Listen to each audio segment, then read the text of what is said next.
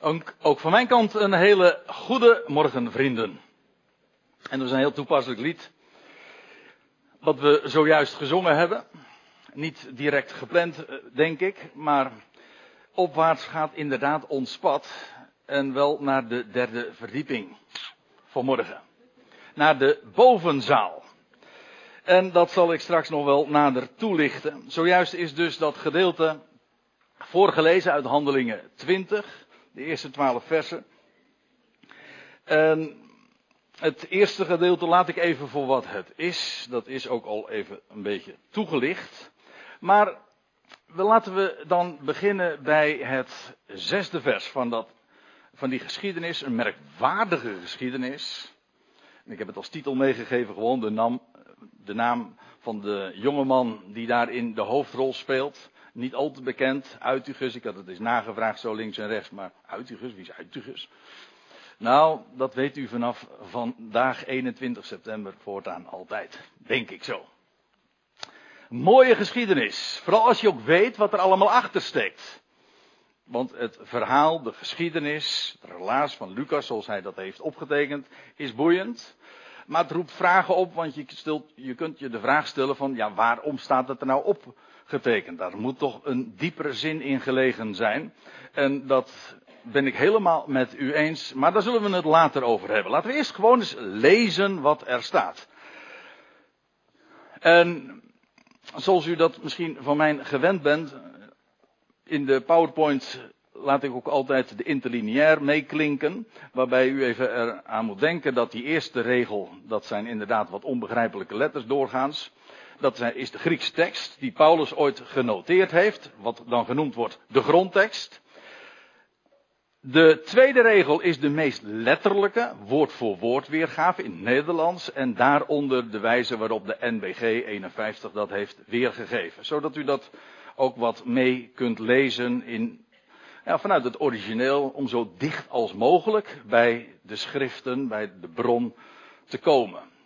Goed, er staat in vers 6, ik spring dus gewoon midden in dat gedeelte in. Wij voeren, en die wij, dat is Lucas, dat wil zeggen de schrijver van dit boek. Hij had al een evangelie geschreven, dit is een vervolg daarop. Wij, en dat zie je eh, heel frappant iedere keer in het boek Handelingen. Dan weet je exact wanneer de schrijver zelf erbij betrokken was als ooggetuige. Want dan gebruikt hij deze, deze wij-vorm. Lucas was hier dus zelf bij en Paulus. Wij voeren na de dagen van de ongezuurde broden. Dat is het Joodse Pesachfeest. Min of meer overeenkomend met ons Pasen. Een week lang vierde men feest en een week lang werden daar ongezuurde broden gegeten. Nou, na die dagen, na dat Pesach dus, voeren wij af van Filippi. Nou, laat ik u even meenemen naar uh, een kaart van de Midden-Oosten. En dan zoomen we wat in. Pardon. Uh, naar dit gedeelte, naar de westkant van Turkije en Griekenland. En dan zien we dit. Paulus, dat is het voorgaande van Handelingen 20. Wat zojuist wel gelezen is, maar wat ik nu verder niet uh, bespreek. U ziet uh, die streek Macedonië die nogal een grote rol speelt. Paulus kwam vanuit Korinthe, lezen we in die eerste zes versen. Hij kwam vanuit Korinthe en hij maakte de reis noordwaarts. Hij was aanvankelijk van plan op een heel andere manier te gaan reizen naar Syrië. Maar goed, hij, hij uh, herzag zijn plan. En hij ging noordwaarts zo richting Macedonië. En hij komt dan dus daar in Filippi. En nou lezen we dat hij van Filippi af wegvoer. En hij ging richting Troas. En die naam kent u uh, wellicht vanuit de Bijbel, maar hij is eigenlijk op een andere manier nog uh, veel bekender. Troje. Ja, weet u wel, met dat bekende paard. En eigenlijk, dat is wel boeiend, uh, Troas staat bekend om de legendarische, verrassende overwinning. Niet waar? Nou ja, het verhaal laat ik u be, be, bespaar ik u maar. Hoe trouwens, het is redelijk bekend. En eh, je kunt vandaag trouwens nog steeds met, op een hele vervelende wijze met een Trojan horse te maken krijgen. Hm? Ja, het is spreekwoordelijk. Het is trouwens ook uh, naar uh, algemeen, uh, naar algemeen vermoeden een legendarisch verhaal. Maar ik neem u mee naar een zeer verrassende overwinning. Die daar juist in Troas bewezen werd. Troje. Historisch. Gedocumenteerd. Afijn, Paulus met Lucas trekt dus met, per boot naar Troas. En dan staat er, en wij kwamen binnen vijf dagen, dat is vrij lang. Dus de reis heeft kennelijk wat tegengezeten, of ze hebben een omweg gemaakt, dat weet ik niet. Ze kwamen binnen vijf dagen bij hen te Troas aan. Die hen, dat zijn uh, namen die zojuist ook zijn voorgelezen. Ik, ik zal ze u besparen, maar hier ziet u ze. Je breekt soms een beetje je tong erover. Maar we kennen trouwens de meeste van deze figuren vrij goed vanuit de, met name de brieven van Paulus. Ook elders komen we ze in handelingen al tegen, maar in de brieven van Paulus lezen we heel vaak natuurlijk over Tychicus en Trofimus en, en Timotheus, Aristarchus. Nou ja, dan heb ik ze toch al bijna allemaal genoemd. Uh, maar in ieder geval, die waren hen al voorgereisd en zij waren al daar in Troas. En we kwamen binnen vijf dagen bij hen te Troas aan. En dan staat er nog bij, uh, oh wacht eventjes, ja dat Troas, dat moet ik er dan ook nog even bij vermelden, voor de volledigheid nou ja, de, de legendarische variant, daar hadden we het al even over. Dat laten we ook even voor wat het is. Maar Troas speelt in de Bijbel, in het boek Handelingen, maar ook in de brieven, een, nogal eens een keer een rol. Nou, hier dus in Handelingen 20. Uh, eerder kwamen we deze plaatsnaam al tegen. Namelijk dat Paulus daar in Troas is gearriveerd, is handelingen 16. En dan krijgt hij s'nachts een droom en dan is het een Macedonische man die hem in een visioen wenkt, kom over en help ons. En dan maakt hij de oversteek naar Europa. Dat is de eerste keer dat dat vermeld wordt. Dan de tweede keer dus hier in Handelingen 20. En dan vervolgens komen we het in de brieven nog een keer tegen. In 2 Korinthe 2 lezen we dat Paulus zegt, of schrijft aan de Corinthiërs, dat in Troas hem een geopende deur was gegeven. Dat wil zeggen, een grote gelegenheid om het woord doorgang te laten vinden. Een geopende deur. En dan voor de laatste keer, in de laatste brief, in het laatste hoofdstuk wat we van Paulus ook opgetekend hebben in de Bijbel. 2 Timotheus 4, dan lezen we nog een keer de vermelding van die plaats Troas. Dan lees je dat, eh, dat hij tegen Timotheus zegt dat hij zijn, zijn mantel, staat er dan in de meeste vertalingen, maar het is eigenlijk gewoon zijn omslag. En ik denk dat we dan echt moeten denken aan een boekenomslag, een kaft. En, en de boeken en de perkamenten had hij in Troas laten liggen. En als u het mij vraagt, dat doet u niet, maar daarom zeg ik het u maar gewoon maar even. Uh, als u mij vraagt, vinden we hier ook de, het begin van de totstandkoming van het Nieuwe Testament. De schriften die Paulus zou overhandigen aan Timotheus. Hij heeft die boeken bij een geschriften gecompleteerd, het woord van God volledig gemaakt en hij heeft ze gegeven aan Timotheus. Dat is uh, een heel boeiend verhaal, maar daar gaan we het nu verder niet over hebben. Maar het blijkt, wat er wel uit blijkt, is dat de naam en de plaatsnaam Troas toch nogal een prominente rol zo speelt in de geschiedenis, de geschiedenissen van het Nieuwe Testament. Dat is dus wat die naam Troas, Troje betreft. En daar staat er nog bij, uh, waar wij zeven dagen doorbrachten. En inmiddels zijn we dus al weer, als u goed rekent, twaalf dagen voorbij het Pesachfeest. En dan staat er, toen wij en toen wij op de eerste dag der week, ja, nou komen we meteen in een nogal wat lastige zaak terecht, want de vertalers hebben dat zo weergegeven. En als u mij vraagt, en geef ik u weer ongevraagd een, eh, een antwoord, of een ongevraagd eh, een mededeling, denk ik inderdaad dat het een eerste dag der week was. Maar het punt was, is, er staat, het was dag 1 van de Sabbatten. Zo staat het er, u, kunt het ook in de interlineair zien. Eh, de eerste dag de week, eh, dat is een hele vrije weergave waar heel veel interpretatie van de vertalers in meegekomen is. En dat is een nogal ja, uitgebreide kwestie waar nogal veel om te doen is. Maar in ieder geval is deze uitdrukking veel voorkomend in het Nieuwe Testament en met name in de Evangelie.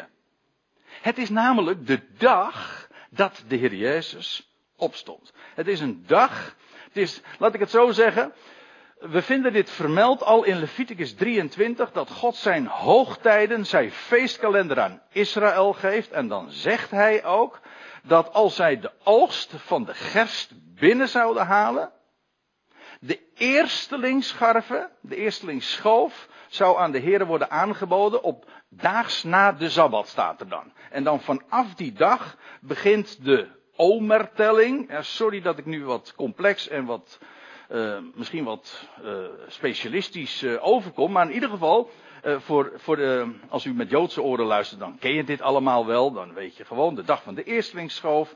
En dan vervolgens worden er zeven sabbatten geteld.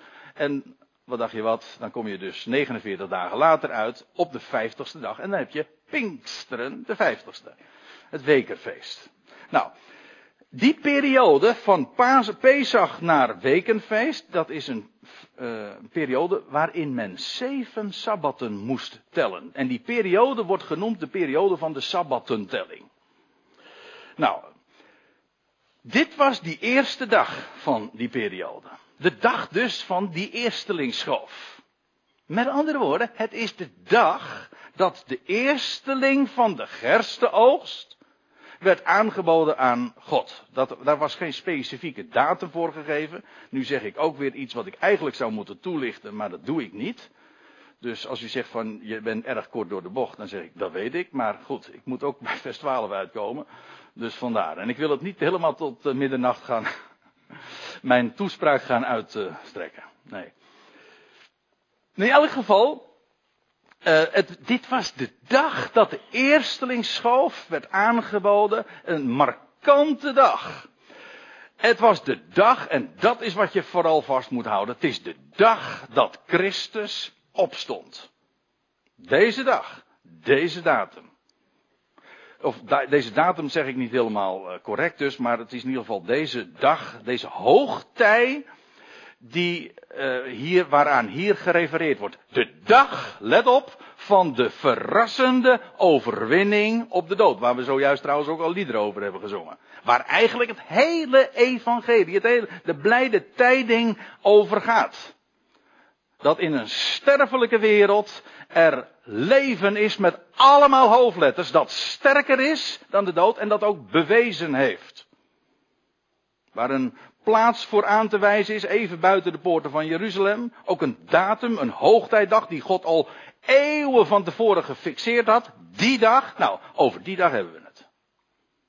Eén van de Sabbatten. Dus, dus een wat technische uitdrukking die verwijst naar de, naar de Joodse, of zo u wilt, naar de kalender van God. Nou, op die dag, toen wij op een van de, eh, van de sabbatten samengekomen waren om brood te breken. Uh, die uitdrukking brood te breken heeft de reputatie nogal een wat uh, ritueel gebeuren te zijn. Hè. Broodbreking, dat zou dan uh, slaan op een klein stukje brood of een, een slokje wijn. als je dat in de concordantie nagaat, is dat helemaal niet het geval. Broodbreking is gewoon een aanduiding van een broodmaaltijd. Is broodbreking.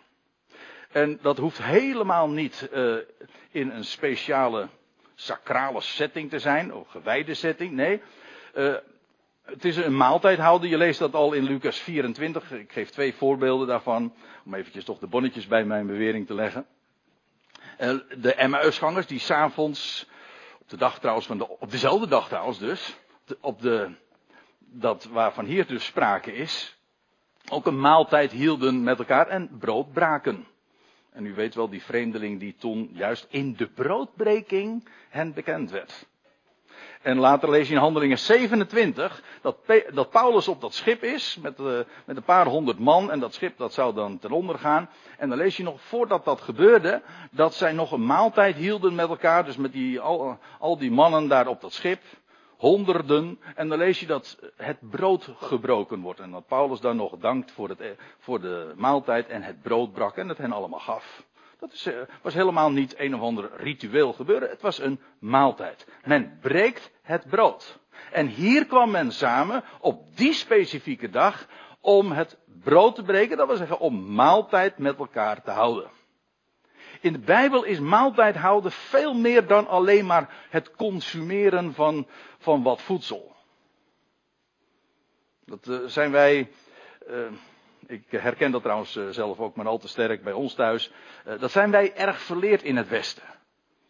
Wij denken gewoon, nou je, eet zo eventjes zo uit de wanneer je trek hebt en dan, en dan neem je wat. Maar in, in de Bijbel, dat is een schitterende gedachte, is eten niet alleen maar een kwestie van consumptie van, van eten en drinken. Nee, het is uh, een, een, een, het is een maaltijd, het is een beeld, een uitbeelding en een beleving van gemeenschap. Rondom één tafel, van één pot om zo te zeggen, van één brood dat je breekt, om, namelijk om het te delen met elkaar. Dus waarbij je ook van gedachten wisselt. Dus het is veel meer dan alleen een materieel gebeuren, ter onderhouding van je lichaam. Nee, je deelt ook dat waar brood een beeld van is. Als je een beetje feeling hebt met, zeg maar, symboliek en typologie, dan voel je dat op je klomp al aan. Natuurlijk, brood is een uitbeelding van het woord van God. En als wij samenkomen om brood te breken, maaltijd te houden, ja, waar denken wij dan aan? Aan, hem die het levende brood is. Of zoals Paulus zegt in 1 Korinthe 10, zoals het brood één is, zo zijn wij allen één lichaam. En dan, dat beleven wij en dan denken wij ook aan het feit dat we één lichaam te vormen. Dat is het geweldige van een, maaltijd houden met elkaar, zeker als gelovigen. Nou, hier lees je, ze kwamen samen om brood te breken. En Paulus hield een toespraak. De, u ziet in de interlineair, er wordt hier een woord gebruikt dat meer met argumenteren te maken heeft. Altijd, het wijst op een gesprekssituatie, eventueel ook van twist. In het Nieuwe Testament wordt het uh, soms ook vertaald met twist. Maar in ieder geval argumenteren. Er, wordt, er moet iets duidelijk gemaakt worden. En Paulus argumenteerde met hen, tot hen, en daar hij van plan was, Paulus heeft zijn plannen in, gedurende deze tijd nog wel eens een keer moeten bijstellen, uh, hij wilde trouwens voor Pinksteren, dus vijf, nou ja, uh, een dag of dertig later, wilde hij in Jeruzalem zijn. Dat, dat, was zijn voornemen. Of het hem gelukt is, dat, uh, dat staat te bezien. In elk geval, hij was van plan de volgende dag te vertrekken. En om die reden zette hij zijn reden voort tot middernacht. Dat vind ik altijd leuk. Want die man die had zoveel te vertellen. Ja, en nu nam hij afscheid. Misschien dat hij hen nooit meer zou zien. Eerlijk gezegd vermoed ik dat. In ieder geval uit het boek Handelingen. Maar kunnen we dat niet opmaken dat hij hen ooit nog heeft getroffen? Ja, en dan neem je afscheid van elkaar. En wat doe je dan? Nou, de belangrijkste dingen die je te melden hebt, doorgeven. En daarover hebben ze gesproken. Ja, en dan, wij zeggen dan gezelligheid kent geen tijd. Nee, maar dit is nog wat meer dan gezelligheid. Als je echt elementaire dingen te delen hebt waar het echt om gaat in het leven. Nou, uh, hij zette zijn reden voort tot middernacht. Nou, maar hopen dat er achter in de zaal geen mensen zaten die. Uh, hm? uh, sorry, daar maak ik misschien geen vrienden mee. bedoel ik niks mee hoor. Die tijdslimieten aangaven, want dan hadden ze de hele dag wel, of de hele nacht wel zo kunnen staan.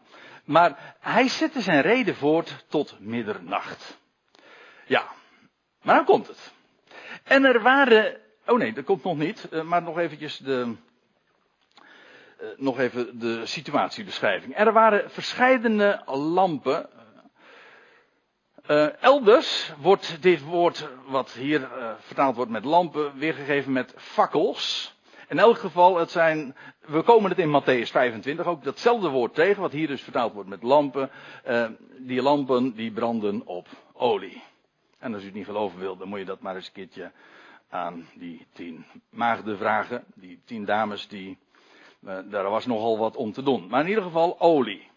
En weet u, dat is ook uh, wel, wel bijzonder. Zeker als we het nou hebben over de overwinning op de dood. Op één, dag één van de Sabbatenperiode. De dag van de eerstelingsschoof. De dag van de overwinning op het dood en graf. Ja, dan brandt hier licht. Er waren verschillende lampen. Er was veel licht.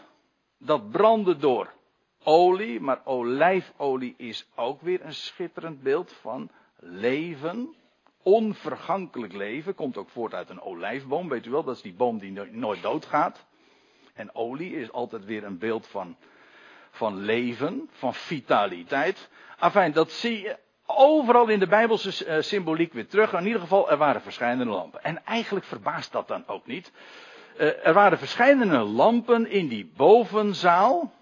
Uh, we weten dus een paar versen later, dat blijkt daar dan uit. Het was de derde etage, de derde verdieping. het was een bovenvertrek. En ja, als je nou eventjes de dingen op een rijtje zet wat daar aan de hand is, dan herken je direct ook de, de situatie die hier beschreven wordt. Dat wil zeggen, wat hier, wat het aangeeft. Wat is nou typerend voor wat hier speelt? Wel, Paulus spreekt het woord van God op de hoogte. En dat bedoel ik zo dubbelzinnig als dat u het nu kunt opvatten op de hoogte. Hij brengt op de hoogte, jawel. Maar hij stelt ons ook echt op een hoge plaats. Als er iets typerend ook is voor, voor Paulus' boodschap, dan is het wel dat wij opwaarts gaat ons pad naar het hemelhuis. Hoe was het ook alweer? Weet u wel? Omhoog. Daar zijn wij geplaatst. En uh, nou, lees het maar eens na in de brieven. Maar bedenk de dingen die boven zijn. Waar Christus is, die ons leven is. En wij zijn met hem geplaatst in hem te midden van de hemelsen. Zo staat het dan in Efeze. Nou ja, ik pluk zomaar wat teksten. Dat is niet moeilijk om daar de lijst nog even langer te maken. Maar u begrijpt, dat is precies wat er aan de hand is. Wij zijn, wij die mogen geloven, als de ogen uh, daarvoor open gegaan zijn, als we geroepen zijn, dan bevinden we ons daar in die bovenzaal, in die opperzaal. Er zijn nog meer mooie bijbelse geschiedenissen die dat ook typeren. Ik denk ook aan die geschiedenis van de opperzaal. Dat Jezus daar zijn, de nacht voor zijn sterven verbleef. Dat is ook een opperzaal, lees je. Weet je wel, en dat hij de voeten van de zijnen waste. Nou ja. Uh, in elk geval, hier, Paulus spreekt. Ze zitten op een hoog niveau. Ver, nou zeg ik het met een, uh, geloof dat het een lied van Johan de Heer is. En sommigen die, uh, die kunnen daar niet zo goed tegen. Maar ik hou er wel van die uitdrukking. Ver boven het aardsgewemel. Daarboven in de hemel, ver boven het aardsgewemel. Hm? Nou, eigenlijk is dat aan de hand. Kijk, dat is op een hoog niveau. Dan ben je dus eigenlijk uh, min, of meer uh, verheven. Zo voel je je ook. Zo ben je eigenlijk dan ook. boven al dat aardse gedoe. Ach. dat zal allemaal wel. Wij denken gewoon wat hoger. We staan wat hoger met, natuurlijk met alle risico's van dien dat dat hoogmoedig klinkt. Uh, maar goed, uh, op de hoogte. En er was veel licht. Licht van de olijf. Om zo te zeggen. Licht spreekt van, duist, uh, van, de, van, de, van de duisternis die is over, wordt overwonnen. En daarmee ook van leven dat sterker is dan de dood. Want licht is leven zoals duisternis dood is. Het licht des levens. Nou, er was veel licht in, om, om hen heen, het was nacht per slotverrekening, was het, ja, het om hen heen was donker. Donker is de wereld. Maar daar in die bovenzaal, waar het woord van Paulus klonk, daar, hoog, daar was het licht. Daar was veel licht. Daar wandel je dan in. Daar zit je dan in, onder dat gehoor, daar verblijf je dan in dat licht. En daar was gemeenschap, onderlinge gemeenschap, die broodbreking. Dat is allemaal wat daar in die opperzaal aan de hand was. En het typeert feitelijk de positie van de Ecclesia, dat uitroepsel wat God zich vandaag verzamelt rond zijn zoon. Wel, het typeert de positie van dat gezelschap. Daar. Op de hoogte, veel licht, gemeenschap. Goed. In die bovenzaal waren wij vergaderd. En een zekere jonge man, en daar hebben we hem, genaamd Uitigus. Het is wel leuk als je zulke namen dan wat gaat uh, achterhalen, want ja, Uitigus, je komt niet zoveel mensen tegen die hier zo een naam hebben. En uh, misschien was hij ook wel niet tevreden met zijn naam. Uh, maar in elk geval, hij had wel een, dat een prachtige betekenis. En, maar eigenlijk, als je het goed beschouwt, in het licht van wat er hier nu gaat plaatsvinden, heeft, is het ook een wat macabere en uh, haast uh, ironisch dat hij zo heet. Want uh, Uitigus, uit dat betekent iets goeds. En, en dat Tigus dat heeft te maken met, met overkomen, iets wat gebeurt. Hè. Wie iets goeds overkomt. Of nog wat vrijer weergegeven, wij zouden zeggen een geluksvogel, een gelukshebber. Ja. En de, een, zekere jonge man genaamd Uitigus, met die naam, en wat gebeurt er nou uitgerekend met hem? Zat, hij zat in de vensterbank. Ja. Dan heb je het over geluks hebben. Hè? Timing heet dat.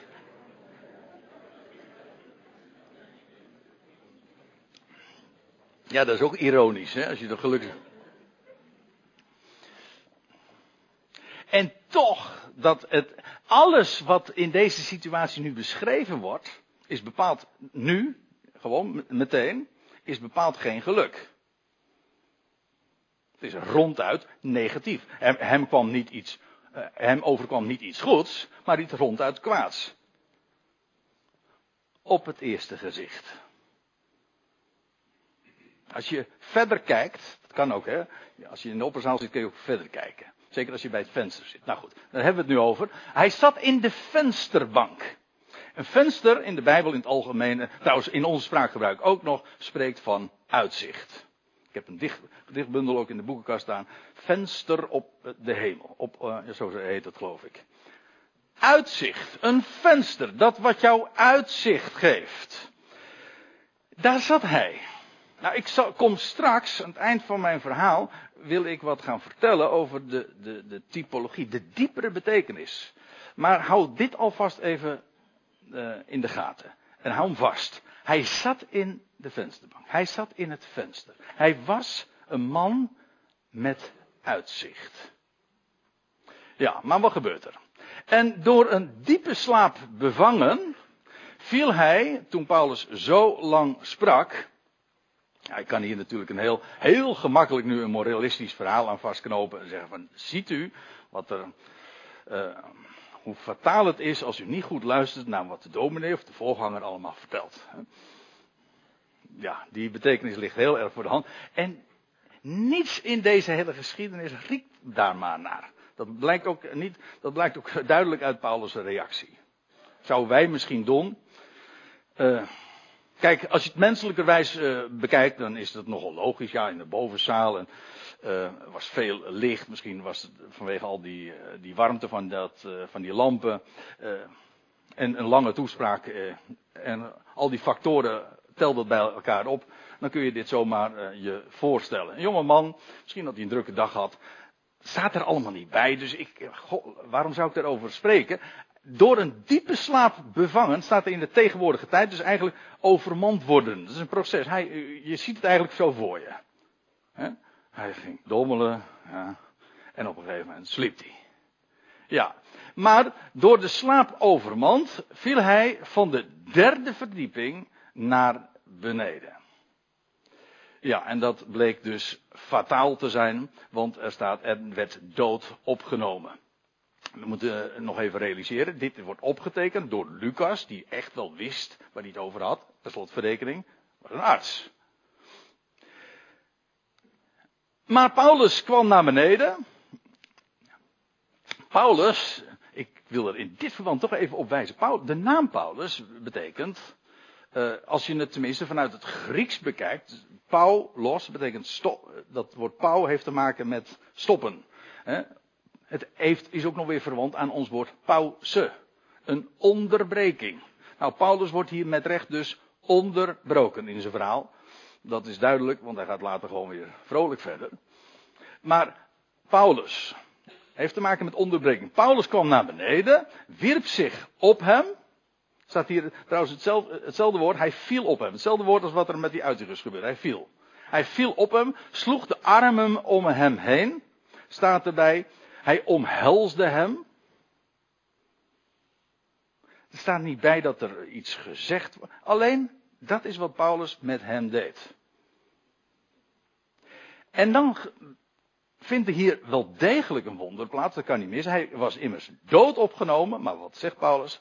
Maak geen mismaak, geen rumoer, doe niet moeilijk, want er is ziel in hem, zo staat het er letterlijk dan. Met andere woorden, met Uitigus, hoe diep die ook gevallen is, komt weer goed met hem. Dat heeft waarschijnlijk nog even geduurd, blijkens het vervolg. Maar in ieder geval, dat is het bemoedigende woord wat Paulus hier uitspreekt. Naar dat hele gezelschap.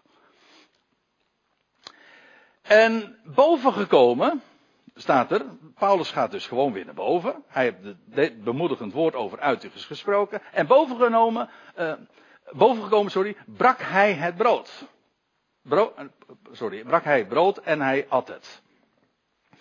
En uh, dat gaat hier dus over Paulus. En hij sprak, hij, Paulus, sprak nog lang met hen. Dus die geschiedenis, eh, Paulus houdt er betoog, wordt onderbroken. Uitigus viel, maar dood. Maar Paulus zegt, het komt goed met hem. Er is ziel in hem. En vervolgens gaat Paulus gewoon weer naar boven. En hij spreekt nog lang met hen.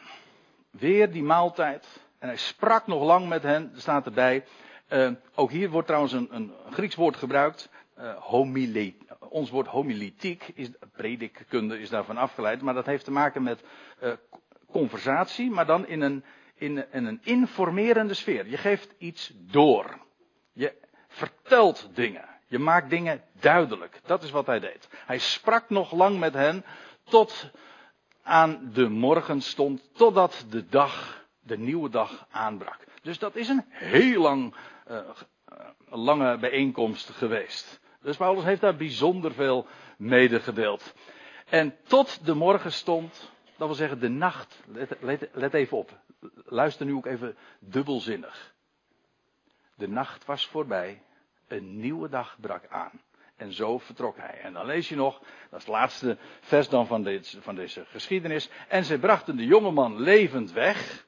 Dat wordt dus vermeld eh, na Paulus' vertrek. Dat suggereert dus dat Uitigus na zijn val niet meer aanwezig was daar in die bovenzaal.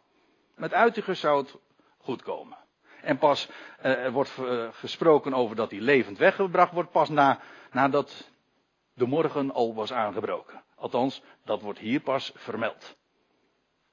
En staat er dan nog bij, en ze waren, en ze werden buitengewoon bemoedigd. Door wat? Nou, uh, lees gewoon dit in zijn context, kan ik maar twee verklaringen vinden. En dat is vanwege alles wat Paulus daar te melden had. En vanwege dat geweldige wonder wat met die Uitigus, die gevallen was. Wat daar met hem had plaatsgevonden. Namelijk, hij stond op. Juist op deze dag. Die zo speciaal herinnerde aan opstanding. Aan die weggewentelde steen. Op deze dag stond ook die Uitigus op. Het kwam toch weer goed met hem. Nou, en nu wilt u natuurlijk weten, wat zit hier dan toch achter? Ik heb nu wat verteld over de historie, maar waar is Uitigus nu een beeld van? Ik vind dat ik dat ook erbij moet uh, vertellen. Want, kijk, thema van het boek Handelingen, dat moet je heel goed je dan altijd realiseren. Het staat in het boek Handelingen. Wat is de context? Wat is de samenhang? Nou, het thema van het hele boek Handelingen, van hoofdstuk 1 tot en met hoofdstuk 28, dat is deze vraag. Die in hoofdstuk 1, vers 6 al vindt geformuleerd dat de discipelen bij, vlak voordat Jezus definitief het aardse toneel verlaat, dan lees je dat de discipelen hem de vraag stellen: Heer, herstelt u in deze tijd het koninkrijk voor Israël? Dat is de grote vraag in dit hele boek Handelingen. En in alle toonaarden wordt daar antwoord op gegeven. In een historische relaas. Hoe Israël het evangelie ook in het boek Handelingen aanwijst. Officieel ook. Ik bedoel het Sanhedrin, de regering. En hoe dan vervolgens de twaalf gepasseerd worden, min of meer, en Paulus een dertiende apostel geroepen wordt. Op een heel markant moment dan ook weer. En hoe Paulus dan de apostel van de natieën wordt. Nou, dat is het grote thema in het boek Handelingen. En wat nou zo bijzonder is, dat de geschiedenissen in deze, in, de, in dit relaas, in die 28 hoofdstukken, allerlei bijzondere voorvallen, die blijken allemaal illustratief te zijn voor de hele, voor de ontwikkeling in het boek. En ik zal, u een paar, ik zal drie voorbeelden geven, korte voorbeelden. Uh, je vindt Handelingen 3. Daar lees je over die verlamde man die bij de schone poort zat. Ja. Ook een geweldig uitzicht. En dan lees je dat, die, dat Petrus en Johannes, die man, uh, zegt, uh, zilver en goud heb ik niet, maar wat ik u heb, dat geef ik u in de naam van Jezus Christus. Sta op. En die man staat op. Was bijna 40 jaar wordt er dan ook nog zo uh, veelzeggend bijgezegd. En in elk geval, hij staat zo op en hij wandelt zo die poort binnen. De, de tempel binnen lees je. En, en uh, God lovende en springende enzovoort. Dat is illustratief voor wat met Israël toen op dat moment zou moeten plaatsvinden. Aan deze gebeurtenis wordt een hele toespraak van Petrus gekoppeld. Die dan ook zegt van ja, wat er met deze man gebeurd is, dat is voor jullie mannen van Israël een voorbeeld. Dat, ik verzin het dus niet. Petrus zelf ligt dat in een, in een toespraak gewoon toe. Nou, dat vind je op allerlei andere manieren. Uh, ik, ik, ga nu van het begin naar het halverwege het boek Handelingen. Dan lees je over die Jood Elimas. Die Paulus tegenwerkte en omdat hij zich wendde tot de heidenen. En dan lees je dat die Elimas, die Joodse tovenaar, voor een tijd lang blind gemaakt wordt. Ook dat is weer illustratief voor wat er op dat moment in het boek Handelingen aan de hand is. Nog één, pardon. Nog één voorbeeld. Nou, zijn we inmiddels aan het einde van het boek. Ik refereerde al eventjes aan die schipbreuk, of ja, aan die schipbreuk in, aan het einde van het boek Handelingen. Dan lees je over uh, dat Paulus op dat schip dus zit. Maar dat schip gaat ten onder in de zee. Ja, waarom? Omdat de stuurlui niet hadden geluisterd naar Paulus' raad. Paulus was per slot verrekening ook maar een amateur, jawel. Maar uh, hij had wel bij het rechte eind. Nou, die geschiedenis, ik ga dat nu niet verder niet naar de toe lichten, maar ik wil alleen maar even aanstippen dat al die geschiedenissen heel duidelijk verhaald worden, juist omdat ze ook illustratief zijn. Ze tekenen, ze typeren wat er aan de hand is, namelijk Israël dat ten onder zou gaan in de Volkerenzee. En dat wordt op een schitterende wijze uitgebeeld. Ik geef nu drie voorbeelden, maar ik zou er veel meer van kunnen geven. Maar waarom ik dit doe? Omdat iedere keer weer het thema van het boek wordt toegelicht op een verhalende wijze. Dat is hier ook weer aan de hand. Want laat ik u dan dit zeggen. Uitigus is een type van Israëls lot. Dat blijkt, dat kan niet missen. Past helemaal ook in de betoogtrand van het boek Handelingen. Hij is gezeten in het venster. Laten we daar eens even mee beginnen. Dat wil zeggen, het was een man met uitzicht. Ik, ik neem u een paar keer mee naar Romeinen 9. U weet wel, dat, dat zijn die Romeinen 9, 10 en 11, dat zijn die hoofdstukken waarin Paulus uh, in zijn brief uitleg geeft over de positie van Israël en wat ermee aan de hand is. Nou, aan de hand van die hoofdstukken wil ik gewoon even de link leggen met die Uitigus en zijn lotgevallen van Israël lees je ook dat, nou die hadden uitzicht hoor. Zij zaten in het venster. Zij zijn Israëlieten, zegt Paulus in Romeinen 9. Hunner is het zoonschap. En de heerlijkheid. En de verbonden. Verbonden, let op hè. Niet alleen het oude, ook het nieuwe. En de, en de wetgeving, en de eredienst, en de belofte. Hunner zijn de vaderen, en uit hen is, althans wat vlees betreft, de Christus, de Mashiach. Die is boven alles. God te prijzen tot in de Ionen. Amen. Dat is dat venster. Dat is dat uitzicht waarin Uitiger zit. Als uitbeelding van Israël. Vervolgens. Wat gebeurde er met Israël? Dat is wat het boek Handelingen ook laat zien. God gaf hun een geest van diepe slaap. ogen om niet te zien, oren om niet te horen, tot de dag van heden. Dat kunnen we in 2014 nog steeds zo zeggen. Hoewel nu de tijd echt aan. Hm, de dag van de opstanding, de derde dag, is nabij. Maar in ieder geval, nog steeds is dat de situatie. Israël is in ongeloof, een geest van diepe slaap. Trouwens, in het einde van het boek Handelingen 28 wordt dat ook nog zo gezegd. Ogen om niet te zien, oren om niet te horen. Nou, vervolgens, ze zijn gevallen. Ja, door hun val, zegt Paulus in Romeinen 11, vers 11, makkelijk te onthouden. Door hun val is het heil, de boodschap van redding, tot de natieën gekomen. Als je het gewoon vanuit, van bovenaf bekijkt, dat, dat is niet zo moeilijk als je in de bovenzaal zit, dan is dit de situatie. Hij is gevallen, geen woord van verwijt in dit verband, maar zo is het gegaan. Ja, waarom? Nou, opdat daardoor, door hun val, het was een onderbreking, want God pakt gewoon weer de draad later op. Door hun val is het heil tot de natieën gekomen. Dat is wat Uitigus laat zien. En dan tenslotte, wat gebeurt er met Uitigus? Hij is. Is dat het einde? Nee. Wat Paulus weet te melden is, duurt nog even, maar het, die val, dat ongeloof van Israël, heeft een totdat. Totdat die geest van slaap zal worden beëindigd. Totdat ze wakker zullen worden gemaakt. Totdat ze zullen opwaken. Totdat ze zullen, ik blijf in de beeldspraak, zullen opstaan. Nieuw leven, dat is die derde dag. Indien hun verwerping, dat is vandaag, de verzoening der wereld is. Dat is de boodschap van redding die vandaag zou klinken. De verzoening van de wereld. Nou, als hun verwerping die boodschap nu, nu eh, heeft ingezet. Dat is een onderbreking, dat is waar. Dat is waar de naam Paulus ook helemaal aan gekoppeld is. Hun verwerping is de verzoening der wereld. Maar wat zal het dan zijn? Wat zal hun aanneming, als zij weer worden aangenomen, maar ook als zij de Messias zullen aannemen, dat gaat gelijk op. Als, wat zal hun aanneming anders wezen dan leven uit de doden?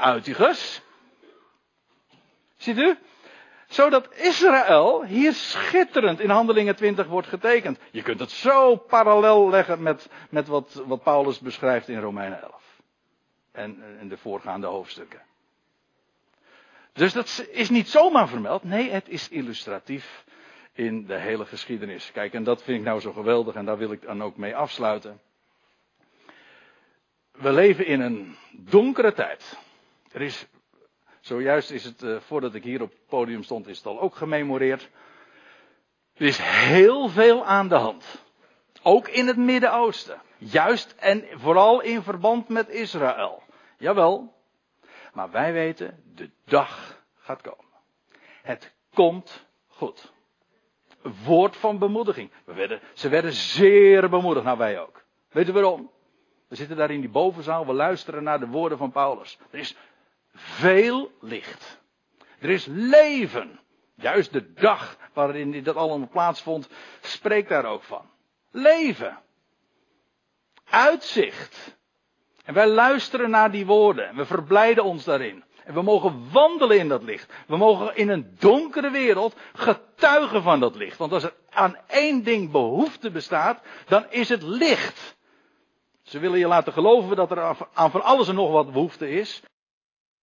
En dat zal allemaal wel waar wezen. Maar fundamenteel gaat het om één ding. En dat is die boodschap. Mensen hebben hoop nodig. Die gefundeerd is. Dat is wat de schrift heeft. En dat is het lied wat Paulus liet klinken. En daarom zijn wij mensen met hoop. Met een venster. Licht. Ik stel voor dat we daarover zullen zingen. Een lied over opstanding. Daar juicht een toon. Die, die, die toon gaat straks juichen in heel Jeruzalem. Als de opgestane akte de présence zal geven. Daar juicht een toon, daar klinkt een stem die galmt door gans Jeruzalem. En wat verder volgt.